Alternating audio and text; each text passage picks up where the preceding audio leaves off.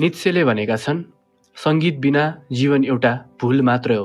साङ्गीतिक समूह कन्दरा सुन्दर पोखरा यसको जन्मथलो नब्बेको दशक अर्थात् नाइन्टिजदेखि अहिलेसम्म पनि नेपालीहरूको मनमुठमा स्थान ओगट्न सफल ब्यान्ड चञ्चले कान्छी हङकङ पोखरा डाँडापारी जस्ता लोकप्रिय गीतहरू हो।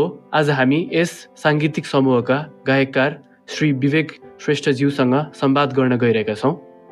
अस्ट्रेलियाको मेलबर्नबाट उहाँ हामीसँग जोडिँदै हुनुहुन्छ। आउनुहोस् उहाँलाई पडकास्टमा स्वागत गरौँ। स्वागत छ यहाँलाई पडकास्टमा। धेरै धेरै धन्यवाद प्ररोज र thank you so much for having me सन्चै हुनुहुन्छ? अँ एकदम ठिक छु। थ्याङ्क्स अब अहिलेसम्म चाहिँ नि सबै कुरा ठिकै छ एकदमै राम्रै छ भन्न चाहन्छु। हजुर।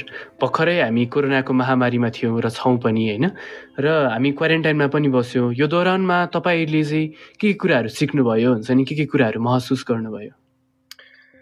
विगत एक वर्ष चाहिँ नि मलाई लाग्छ हामी सम्पूर्ण मानव जातिको लागि चाहिँ एउटा एकदमै ठुलो पाठ पढ्ने अवसर छोडेर गएको छ जस्तो मलाई लाग्छ। विशेष गरेर चाहिँ हामी एकदमै भौतिक संसारमा चाहिँ भौतारिरहेको थियौँ छौँ होइन? र अहिले यसले चाहिँ नि के पाठ पढाए जस्तो मलाई लाग्छ भन्दाखेरि वास्तवमै भन्यो भने भौतिकतामा हामी रुम लिनुभन्दा पनि बेसिक कुराहरूमा चाहिँ हामी ध्यान दिनुपर्छ जस्तो मलाई लाग्छ। एउटा देख्दै नदेखेको जीवाणु जसको चाहिँ भौतिकता कस्तो छ के छ भन्ने कुरा नै थाहा नभएकोले चाहिँ सारा संसारलाई नै हल्लाइदियो भनेपछि भोलि के हुन्छ भन्ने कुरा कसैलाई पनि थाहा छैन रहेछ होइन? लिभ फर टुडे आजको लागि बाँचौँ भन्ने खालको पाठ पढाए जस्तो मलाई लाग्छ है। छोरीसँग एकदमै क्वालिटी अफ टाइम स्पेन्ड भयो या त्यो अर्को कुरा अब यो बिचमा चाहिँ नि के अरे अब भगवान्को कृपाले चाहिँ भर्खरै फेरि मेरो बच्चा पनि भएको छ लगभग सात हप्ता भयो आज मेरो छोरी श्रेष्ठ। अनि या उसको चाहिँ नि अब अधिकांश समय बिताउन पाइरहेको छौँ अनि फेरि अब परिवार नभए पनि यहाँ श्रीमतीलाई समयहरू दिन पाइएको छ। सो इन अ वे त्यो चाहिँ नि अब प्लेसिङ नै हो जस्तो लाग्छ मलाई। हजुर। अब हामी स्टार्ट गरौँ होइन? औपचारिक रूपमा उन्नाइस सय चौरानब्बेदेखि अहिलेसम्म कन्दरा ब्यान्ड यो छब्बिस वर्षीय लामो यात्रा कस्तो रह्यो? फर्केर हेर्दा यो यात्रा कस्तो लाग्छ? एकदमै भावुक खालको चाहिँ नि प्रश्न हो यो किन भन्दाखेरि हाम्रो यात्रा पक्कै पनि एकदमै स्ट्रेट फरवर्ड खालको चाहिँ छैन कन्दराको यात्रा।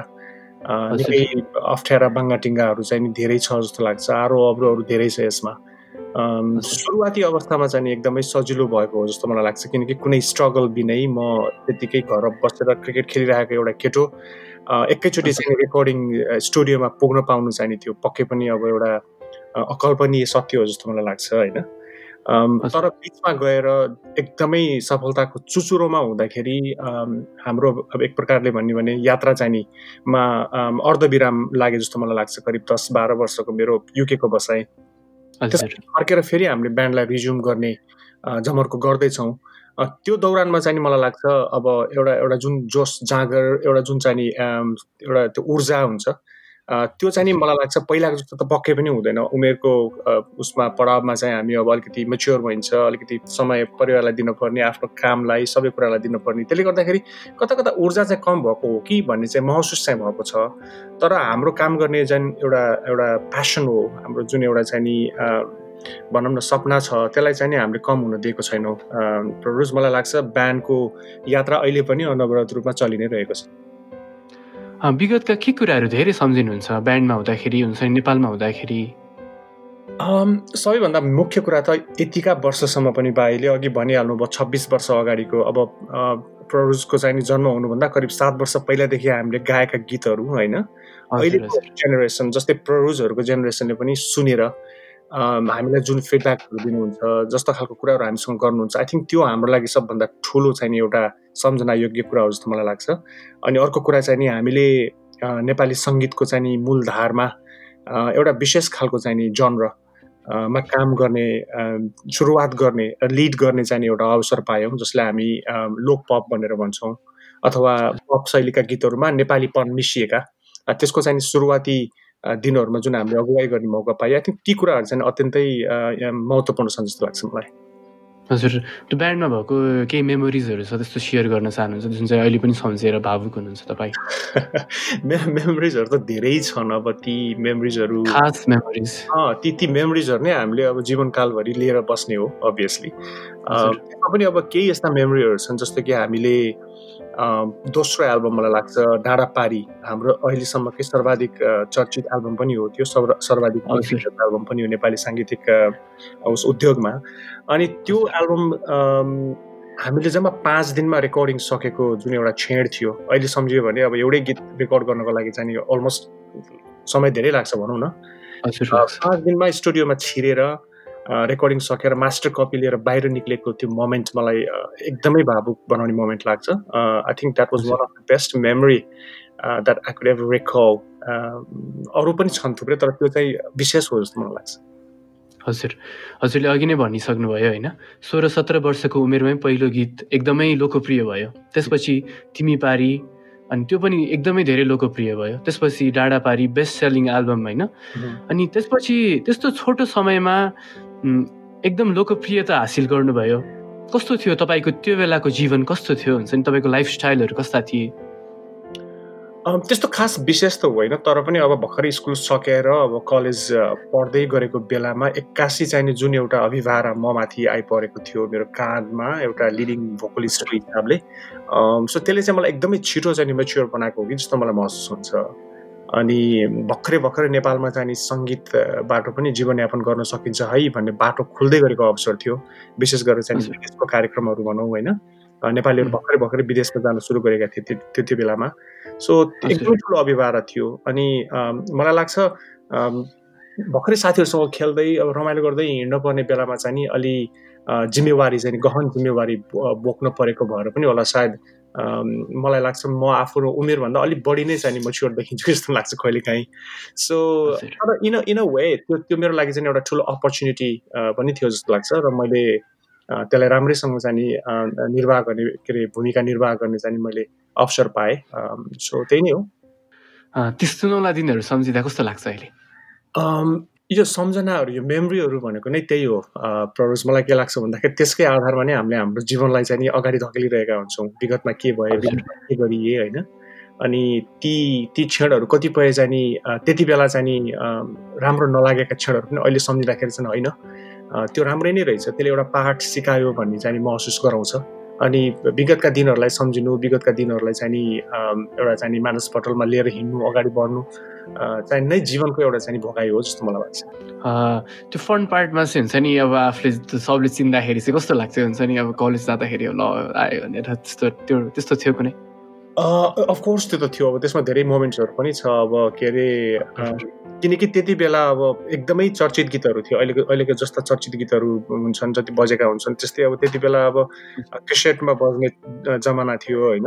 अनि विशेष गरी जुनै पनि रेस्टुरेन्टमा जाँदाखेरि अथवा ट्याक्सीमा चढ्दा बसमा चढ्दा जहाँ पनि अब आफ्नो गीतहरू बजिरहेको हुने त्यो त्यो सुन्दाखेरि एक प्रकारले एकदमै खुसी लाग्थ्यो कि हाम्रो सङ्गीतलाई कन्दराले बनाएको गीतहरूलाई यति धेरै मन पराइदिनु भएको छ भन्ने कुराहरू।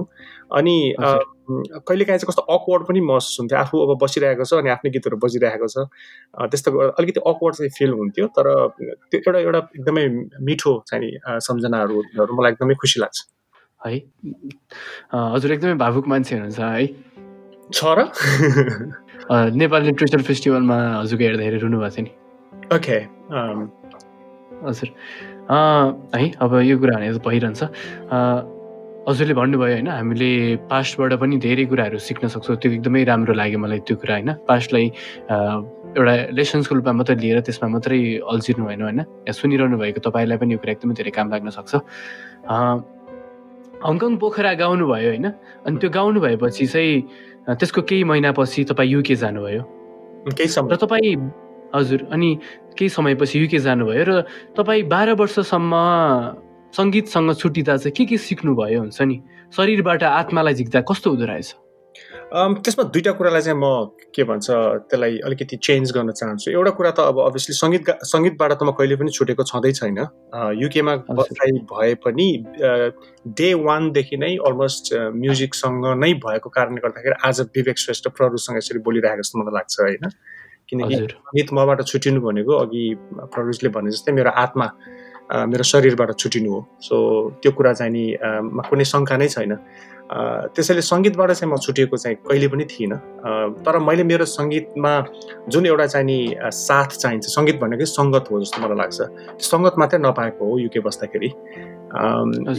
युकेमा बसेर चाहिँ त्यत्रो समय बिताउँदा एउटा के कुरा चाहिँ मलाई खुसी लाग्छ भन्दाखेरि त्यो त्यो समयमा सङ्गत नभए पनि सङ्गीतको साथ चाहिँ मैले लिएँ। त्यसले धेरै कुराहरू सिकायो पनि मलाई। अलिकति गहन चिन्तनशील पनि बनायो अध्ययनशील पनि बनायो। सङ्गीत भनेको के रहेछ भन्ने एउटा बुझ्ने सानो एउटा चाहिँ नि मार्गदर्शन पनि मलाई गर्यो त्यसपछि चाहिँ नि सङ्गीत भनेको त अथाह महासागर रहेछ। यसमा चाहिँ नि डुबेर चाहिँ नि यसको चाहिँ नि कुनै एउटा डेस्टिनेसन म चाहिँ पुग्छु भन्नु चाहिँ नि अलिकति चाहिँ नि मूर्खता पनि हो कि अलिकति हास्यास्पद पनि हो कि जस्तो पनि लाग्यो किनकि जति गहिराइमा डुबिँदै जान्छ। त्यति झन् अझ गहिरो गहिरो हुँदै जाँदो रहेछ यो। आजसम्म पनि पौड्या पौडै छौँ कहाँ पुगिन्छ थाहा छैन है। सो या इन वे मेरो विचारमा युकेको त्यो बसाइ चाहिँ नि मलाई लाइक लाग्छ मेरो जीवनमा चाहिँ एउटा मार्गदर्शकको रूपमा चाहिँ आए जस्तो लाग्छ मलाई। जीवनमा धेरै अप्स एन्ड डाउन्स भयो है तपाईँको? अफकोर्स यस कसको हुँदैन र होइन? हजुर। होइन हजुरको त हामीले जब अब रिसर्च गर्दाखेरि मैले हेर्दाखेरि लाइक एकदमै त्यो हुन्छ नि अलिकति अर्कै जस्ट डिफ्रेन्ट टाइपको लागेको थियो चाहिँ मलाई चाहिँ है। हामी नेपालीहरूको यो विदेश जानुपर्ने नियति चाहिँ कहिले सकिन्छ होला है? यस्तो छ। यसलाई चाहिँ नि अलिकति चाहिँ नि सकारात्मक रूपमा लिने हो भने नेपालले अहिलेको विश्वमा भनौँ न नेपालमा जुन खालको चाहिँ नि कुराहरू हामी पाउँछौँ जुन जुन खालको वातावरणमा हामीहरू हुर्किरहेका छौँ सायद हामी त्यतिमा मात्रै सङ्कुचित भएर बसिएको भए नेपालको जुन एउटा अहिले ग्रोथ छ त्यो हुन्थेन जस्तो मलाई लाग्छ। किनकि विदेशमा जानु एक प्रकारले चाहिँ नि पोजिटिभ पाटोबाट त्यसलाई हेर्ने हो भने हामीले धेरै कुराहरू सिकेका पनि त छौँ त विदेशबाट होइन? देखेका छौँ। गर्दाखेरि अधिकांश विदेशमा बसेको नेपालीहरू भित्री मनबाट चाहिँ कसैलाई पनि विदेशमा समय बिताउँ अथवा विदेशलाई चाहिँ प्रस्पर बनाऊ भन्ने चाहिँ धेरै कमको चाहिँ मनमा हुन्छ जस्तो मलाई लाग्छ। हामी जहाँ भए पनि संसारभरि छरिएर बसे पनि हाम्रो मन प्रत्येक पल चाहिँ नेपालमै हुन्छ। हामीले के गर्न चाह्यो भने यो हामीले नेपालमा गर्न पाए यो कुरालाई हामीले त्यहाँ इम्प्लिमेन्ट गर्न पाएँ भने सायद प्रत्येक नेपालीको चाहिँ मनमा हुन्छ जस्तो मलाई लाग्छ which is very good in a way कि त्यसले गर्दाखेरि नेपालमा धेरै कुराहरू चाहिँ नि विशेष गरेर टेक्नोलोजीको फिल्डमा इभन इन्टरटेनमेन्टकै फिल्डमा भनौँ अथवा विभिन्न व्यापार व्यवसायमा नौलो नौलो प्रविधिहरू गएका छन् होइन? त्यो सायद विदेशमा नेपालीहरू भएको भएर नै हो। सो त्यसैले यसलाई नियति विदेशमा जाने नियति को रूपमा चाहिँ नि त्यसरी लिनुपर्छ जस्तो मलाई लाग्दैन। ए यद्यपि त्यो भन्दा भन्दै अब विशेष गरेर चाहिँ नि अलिकति कम आकर्षित विदेशी मुलुकहरू जस्तो कि खाडी मुलुकहरू भनौँ मलेसियामा गएर जुन नेपालीहरूले भोग्नु पर्ने नियति छ हामी कसैलाई पनि त्यो चाहिँ अलिकति सुखद लाग्दैन। त्यस्तो चाहिँ नभइदिए हुन्थ्यो। कमसेकम त्यतिको चाहिँ नि अर्थ आर्जन गर्ने एउटा चाहिँ नि बाटो नेपालमै भइदियो भने त्यतिका धेरै नेपाली दाजुभाइ दिदीबहिनीहरू चाहिँ नि सायद विदेशिनु पर्थेन होला भन्ने मलाई लाग्छ। होपफुल्ली नेपालले अब राम्रै फर्को मार्दैछ जस्तो लाग्छ। अहिले अब नेपालमा पनि रोजगारीका धेरै अवसरहरू सृजना भएका छन्। नेपालले विकासको क्षेत्रमा फर्को मार्दैछ। सो होपफुली अब त्यो नियति चाहिँ हामीले धेरै देख्नु नपर्ला होइन? है। होप राम्रै होस् होइन? के भन्छ हरेक कालो बादलमा चाँदीको घेरा हुन्छन् भन्छन् है? मिठो कुरा आफूले गाउनु भएको गीत आफ्नै जीवनसँग मेल खाँदा चाहिँ कतिको भावुक हुनुभयो? किनभने तपाईँ एकदम भावुक मान्छे हुनुहुन्छ नि। मलाई लाग्छ म हो। अब यो कुरालाई चाहिँ स्वीकार गर्नै पर्ने हुन्छ। म भावुक हो र भावुक छु पनि। तर यो भावुक भावुकताको कुरा गर्दाखेरि एउटा कुरा मैले आफ्नो जीवनमा सिकेको पाठ भोगाई लाई मैले यदि आज यो कुरा गरिरहँदाखेरि कसैसँग सेयर गर्दैछु भने एउटा कुरा भन्न एकदम जरुरी छ। हामी भावुक त हुन्छौँ इमोसनल हुन्छौँ तर भावुकतामा चाहिँ मूर्ख भन्नु हुँदैन विच मिन्स इमोसनल फुल चाहिँ भन्नु हुँदैन। त्यो कुरा एकदमै इम्पोर्टेन्ट छ किनकि हामी नेपाली एउटा मन छ। हामीले पहिल्यैबाट के सिक्दै आइरहेको छौँ भन्दाखेरि हामी सबैजना भावुक हुन्छौँ तर भावुकतामा एक प्रकारको चाहिँ चातुर्यता भयो भने राम्रो हो तर भावुकतामा मूर्खता भयो भने चाहिँ राम्रो होइन। सो त्यसैले भावुक भए पनि मूर्ख चाहिँ नबनाऊ भन्ने चाहिँ नि एउटा भन्न चाहन्छु म। भावुक हुनु चाहिँ राम्रै कुरा हो तर भावुक भएर चाहिँ एकदम ट्रिगर हुनु चाहिँ भएन होइन? एब्सोल्युटली त्यो इमोसनल फुल चाहिँ भन्नु हुँदैन त्यसले चाहिँ नि लाइफलाई खतम बनाउँछ। हजुर। अब हामी धेरै भावनामा नभगौँ है। अब अलिकति कुरालाई फरक आयाम दिन चाहन्छु।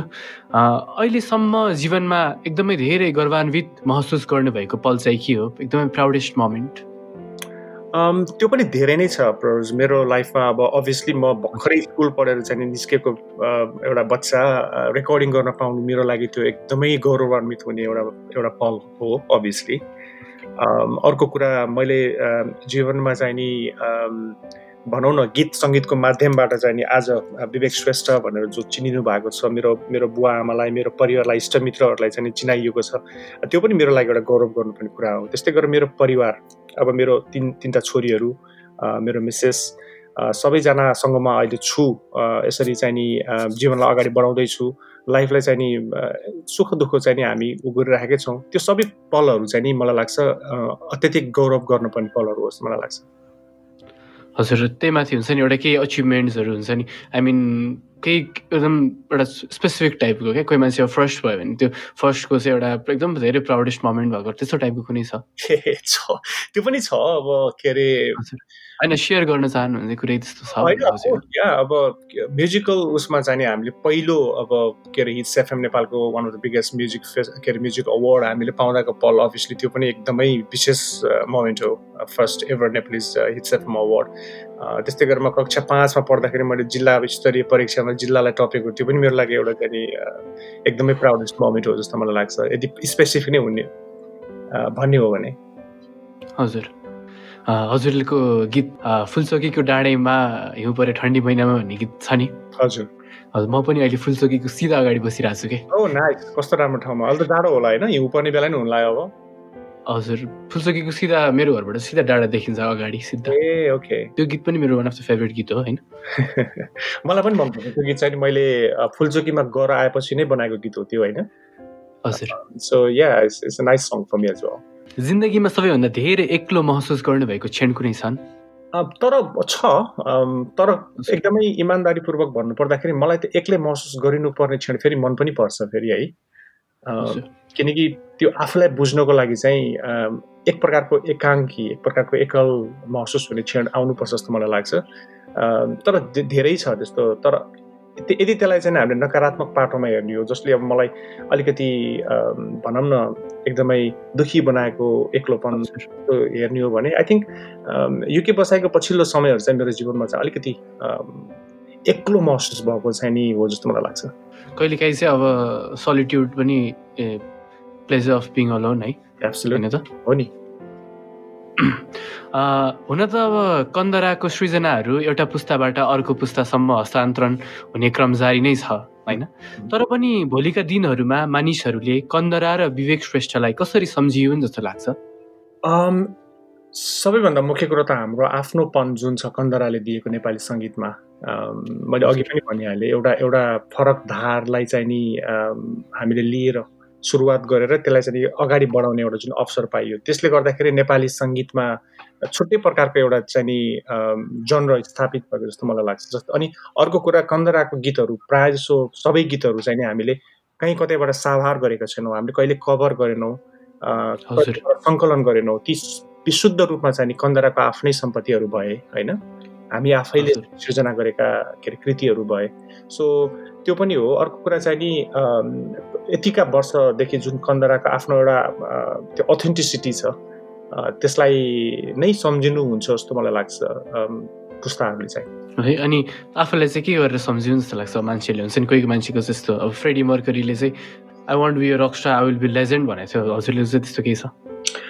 I think that's a really good good point किन भन्दाखेरि मैले अझ अझै पनि मलाई लाग्छ मैले मेरो इनिङ्स चाहिँ अझै बाँकी छ जस्तो लाग्छ सङ्गीतमा प्ररुज। मैले मेरो इनिङ्स एनाउन्स गरिसकेका छैन अहिले होइन।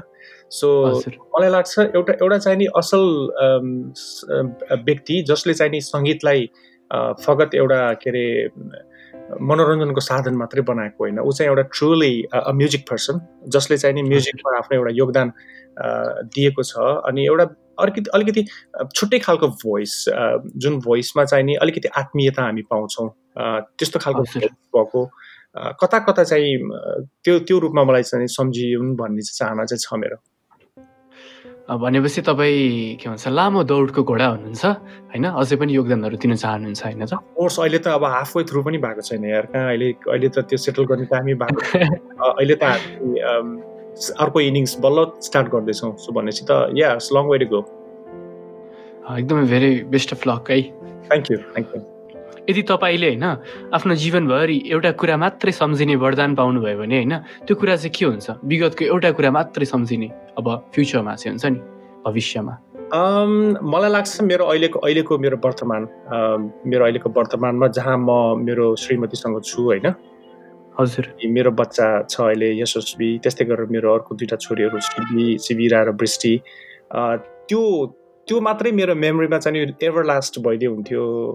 बिसाइड्स म्युजिक बिसाइड्स मेरो अरू अरू कामहरू यता जुन छन् तर त्यो कुराले चाहिँ मलाई एकदमै खुसी महसुस बनाउँछ। सो आई थिङ्क त्यसलाई नै भन्न मन परायो मैले। कस्तो राम्रो कुरा गर्नुभयो? एकदम भावुक कुरा पनि हो यो होइन? किनभने मान्छेले हुन्छ नि हामीले अब पहिला त तपाईँको एउटा फेम थियो जति अब त्यस्तो फेमहरू छ यति धेरै ऊ अडियन्सको मायाहरू छ। लास्टमा तर तपाईँलाई त्यो कुरा होइन कि आफ्नो फ्यामिलीले नै फ्यामिली नै म्याटर गर्दो रहे गर्दो रहेछ है मान्छेलाई। त्यो चाहिँ नि सबैभन्दा चाहिँ नि इम्पोर्टेन्ट फ्याक्टर हो। किनकि अब मायाको अपेक्षा सबैले गरे हुन्छ। जस जसले पनि अलिकति आफूलाई चाहिँ नि मन पराइदियोस् माया गरोस् धेरै साथीहरू होस् धेरै चाहिँ नि ऊ होस् भन्ने चाहना सबैको हुन्छ। तर अल्टिमेटली आफूले चाहिँ नि त्यो अल्टिमेट खुसी चाहिँ कहाँबाट पाइन्छ त भन्दाखेरि मलाई लाग्छ त्यो फ्यामिली नै आफ्नो आमा बुवा आफ्नो दाजु दाजुबहिनी इष्टमित्रहरू। तर सबैभन्दा बढी समय चाहिँ कोसँग बिताइन्छ त भन्दाखेरि आफ्नो बच्चा र आफ्नो बुढीसँग नै हो अथवा बुढासँग हो भनौँ न श्रीमान श्रीमतीको। सो त्यो भएपछि चाहिँ नि आमा बुवालाई राख्ने एउटा स्थान छ त्यहाँ हामीले सधैँ एउटा पूजा गरेर राख्ने स्थान त्यहाँ राखिरहेको हुन्छ आफ्नो आमा बुवालाई आफ्नो भाइ बहिनीहरूलाई आफ्नो दाजुभाइ बहिनीहरूलाई छुट्टै स्थान दिएको हुन्छ। त अधिकांश समय कोसँग बिताउँछ? त्योसँग चाहिँ एक प्रकारको त्यो रेस्पेक्ट एक प्रकारको त्यो कोलिजन त्यो सबै चाहिँ मिलेर भइदियो भने लाइफ त्योभन्दा सुन्दर केही हुन्छ जस्तो मलाई लाग्छ त्यसो भए त हजुरले दस बाह्र वर्ष युके बस्नुभएको त्यो टाइम खासै रिग्रेट गर्नुहुन्न है? अफकोर्स गर्दिनँ। म कुनै पनि पलहरूलाई चाहिँ रिग्रेट गर्न मन पराउँदिनँ किनकि त्यो रिग्रेट गरेर केही फाइदा पनि छैन बिकज हामीले त्यहाँबाट केही पाउँदा पनि पाउँदैन। अफकोर्स त्यसबाट लेसन चाहिँ लर्न गर्नुपर्छ हामीले होइन? खालि नै हो। तर रिग्रेट गरेर चाहिँ नि हुन्छ जस्तो मलाई लाग्छ कतिपय अवस्थामा रिग्रेटले के गर्छ भन्दाखेरि चाहिँ एक प्रकारको डिप्रेसन सिर्जना गर्छ कि ए यस्तो गर्नु मैले यो बनाउन चाहेको थिएँ यो बनेन मैले यस्तो गर्न चाहेको थिएँ मैले यो गर्न सकिनँ भन्ने खालको त्यो कुण्ठा उत्पन्न हुनसक्छ।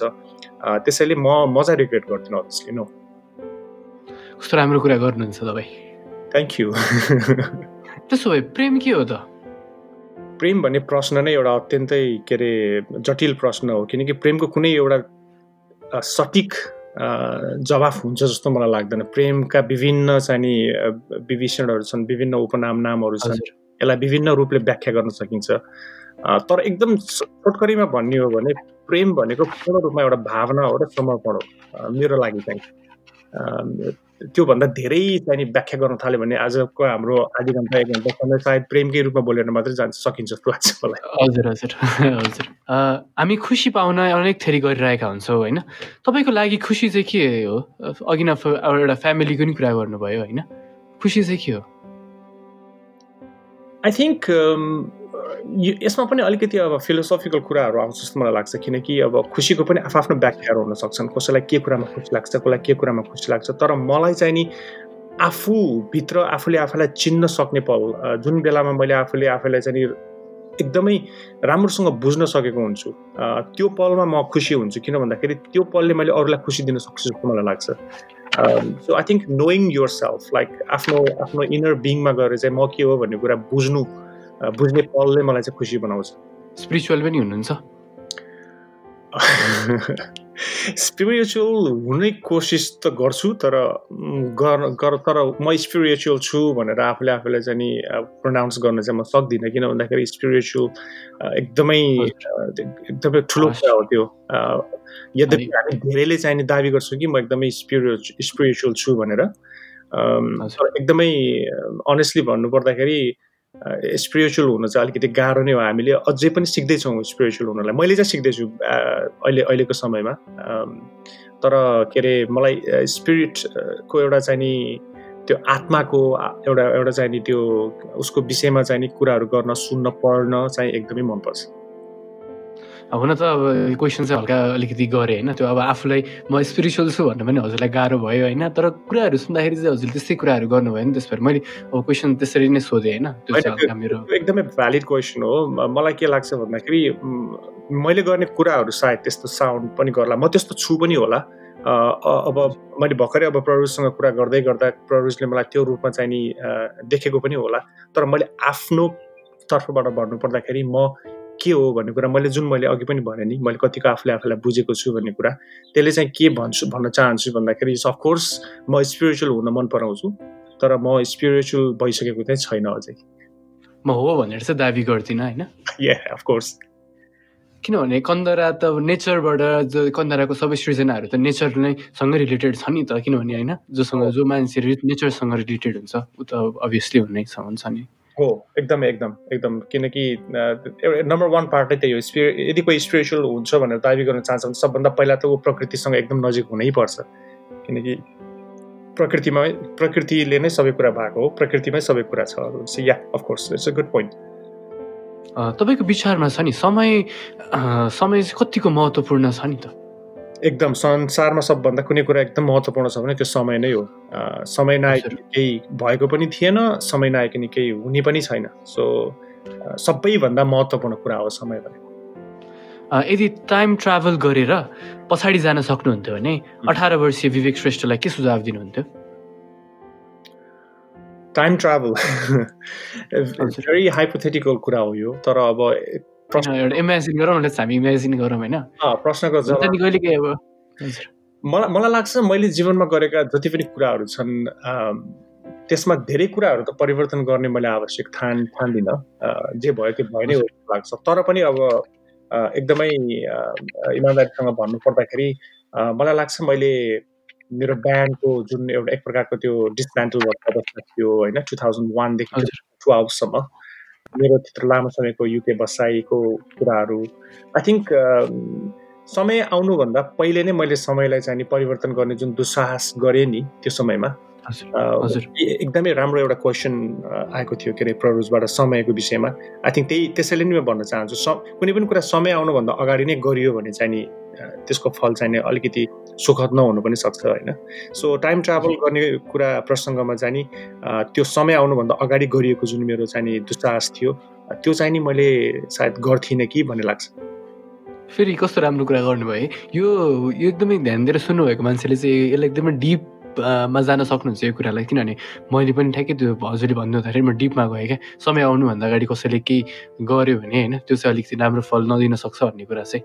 हुन्छ नि? समयलाई पर्खिनु नै सबैभन्दा ठुलो बुद्धिमानी हो। त्यो भन्दैमा फेरि समय आउँछ अनि सबै कुरा हुन्छ भन्ने पनि होइन। आफ्नो कर्म त गर्नु छोड्नु हुँदैन प्ररुज होइन? आफ्नो कर्म किनकि हामी जब यो धरतीमा आयौँ मानव भएर आइसकेपछि चाहिँ हामीले गर्ने विभिन्न कामको एउटा चाहिँ के अरे आइडेन्टिफिकेसन पहिल्यै भइसकेको छ। यति वर्षको उमेरदेखि यति वर्षसम्म यो गर्ने यसपछि यो गर्ने भनेर हाम्रो चाहिँ शास्त्रहरूमा पनि उल्लेख छ त्यो कुराहरू।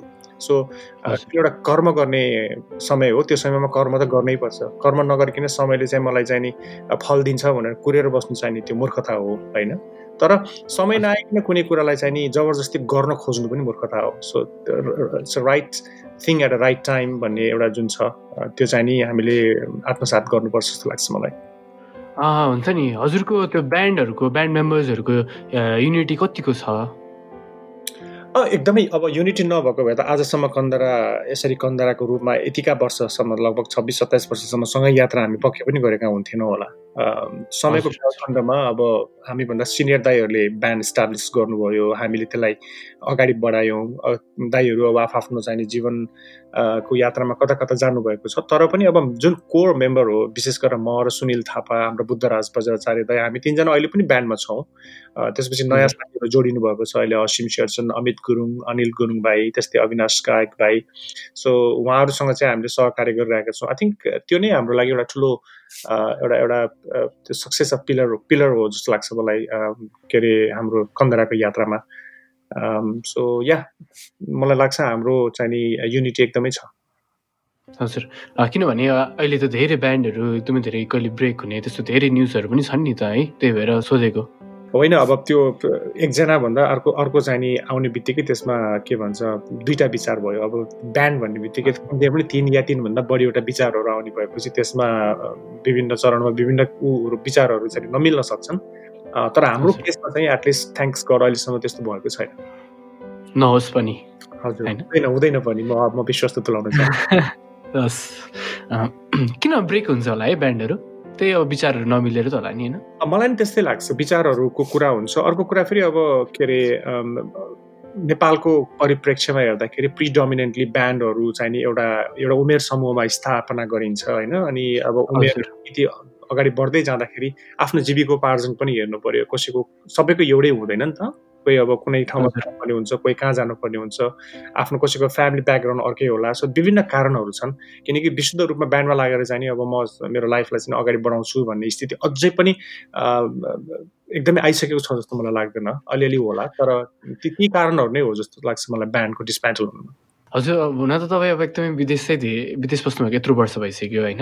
अब एउटा क्वेसन चाहिँ के सोध्न चाहन्छु भने कुनै पनि नेपालीले होइन भेट्दाखेरि हुन्छ नि तपाईँलाई भेटेर हुन्छ नि। ओ तपाईँलाई हेरेर चिनेर त्यो एकदमै धेरै आफ्नो भित्र भएको एक्सप्रेसन्सहरू पोख्नु भएको कुनै मोमेन्ट्सहरू छ?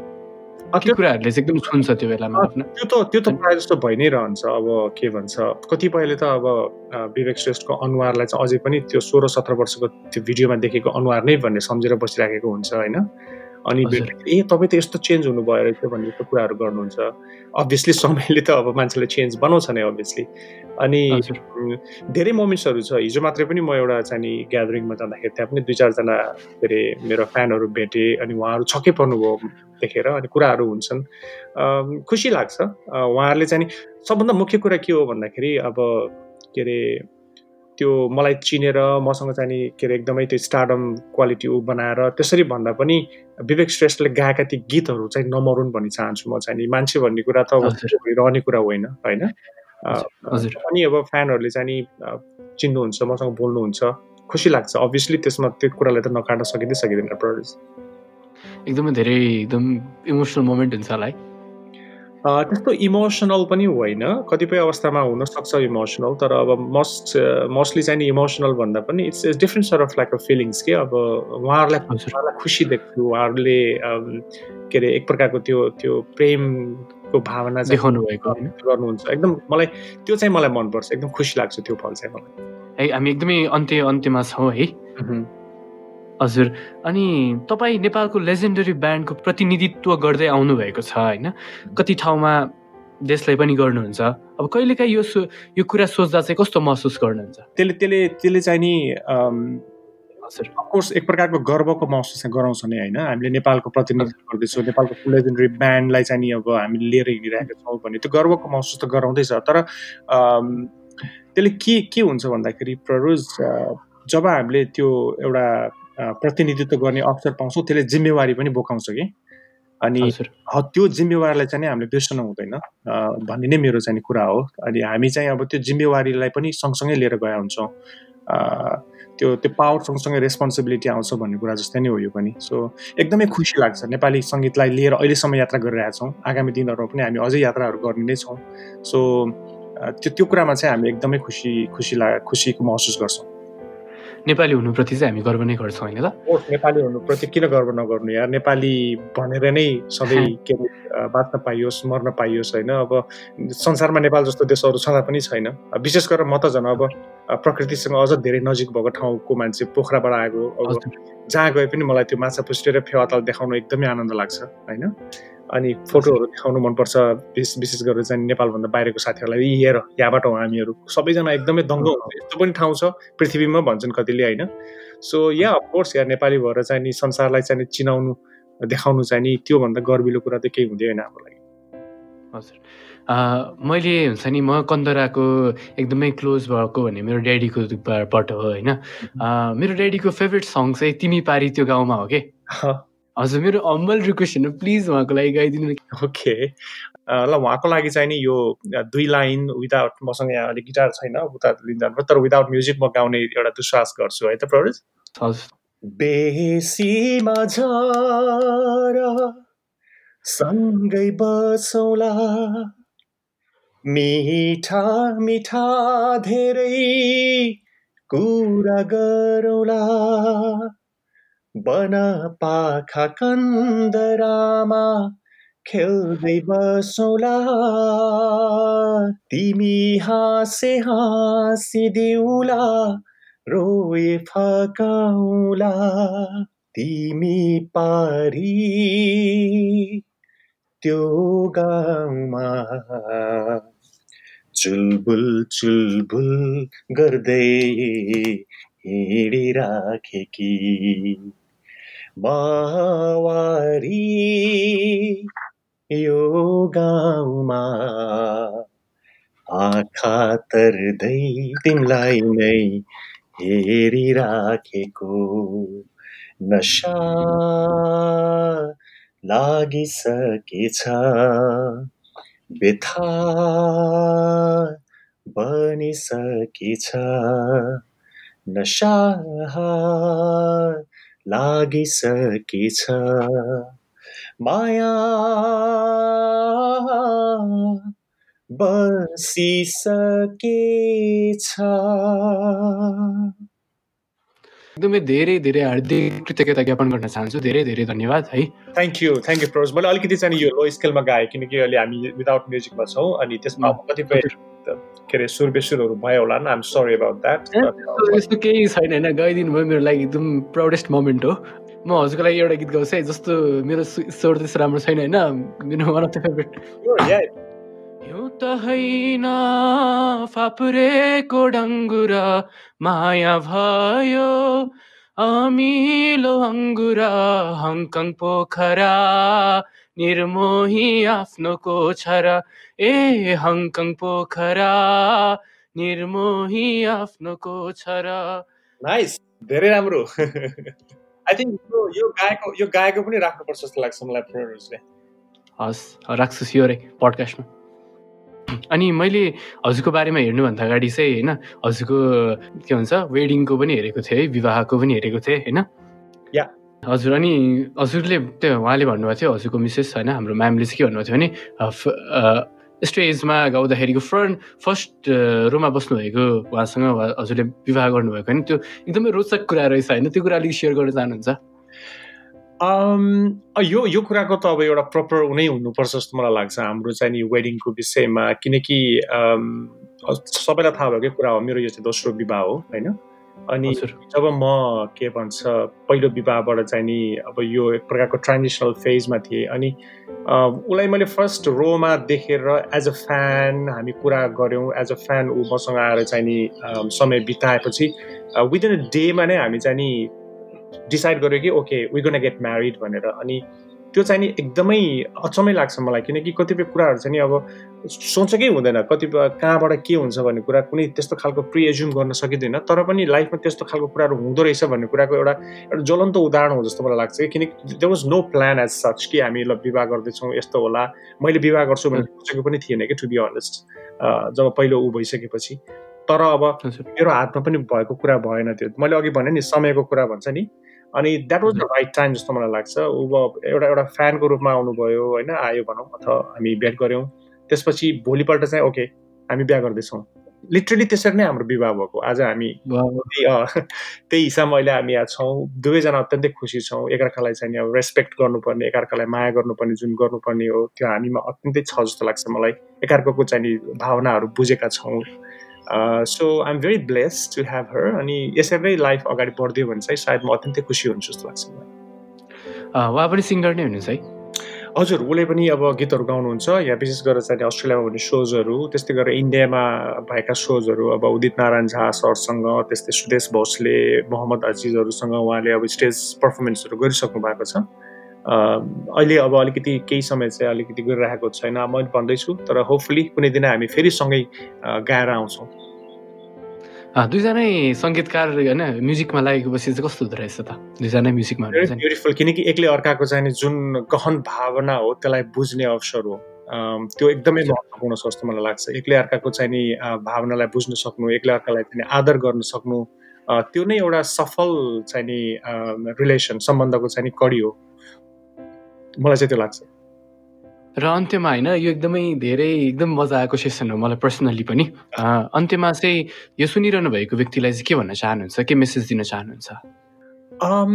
मलाई लाग्छ हाम्रो आजको वार्तालापमा धेरै कुराहरू यस्ता थिए जसलाई चाहिँ नि अब हामीले एक प्रकारको मेसेजको रूपमा लिन सकिन्छ मलाई लाग्छ। तर अब मैले एउटा कुनै त्यस्तो भन्नै पऱ्यो भने म उहाँलाई के भन्न चाहन्छु भन्दाखेरि आफ्नो अन्तरात्मालाई चाहिँ चिन्ने प्रयास गर्नुहोस्। किनकि तपाईँले जबसम्म आफूलाई चिन्नुहुन्न आफूले आफूलाई खुसी बनाउन सक्नुहुन्न म अरूलाई खुसी बनाउँछु म यो संसारलाई चाहिँ म ठिक ठाउँमा ल्याउँछु भनेर हिँड्नु चाहिँ नि एकदम पुरा एउटा चाहिँ उसमा हिँड्नु जस्तो मलाई लाग्छ। त्यसैले अन्तरात्मालाई चिनौँ आफूलाई चिनौँ त्यसपछि बल्ल अनि बाहिरी संसारलाई हेर्ने दृष्टि चाहिँ एकदमै फरक हुन्छ। मलाई विश्वास गर्नुहोस् जब तपाईँले आफूलाई चिन्न सक्नुहुन्छ तपाईँले संसारलाई छुट्टै रूपमा पाउनुहुन्छ भनेर भन्न चाहन्छु। हस् त एकदमै राम्रो कुरा गर्नुभयो फेरि अन्त्यमा पनि एकदमै राम्रो राम्रो मान्छेको सधैँ राम्रै कुरा होइन?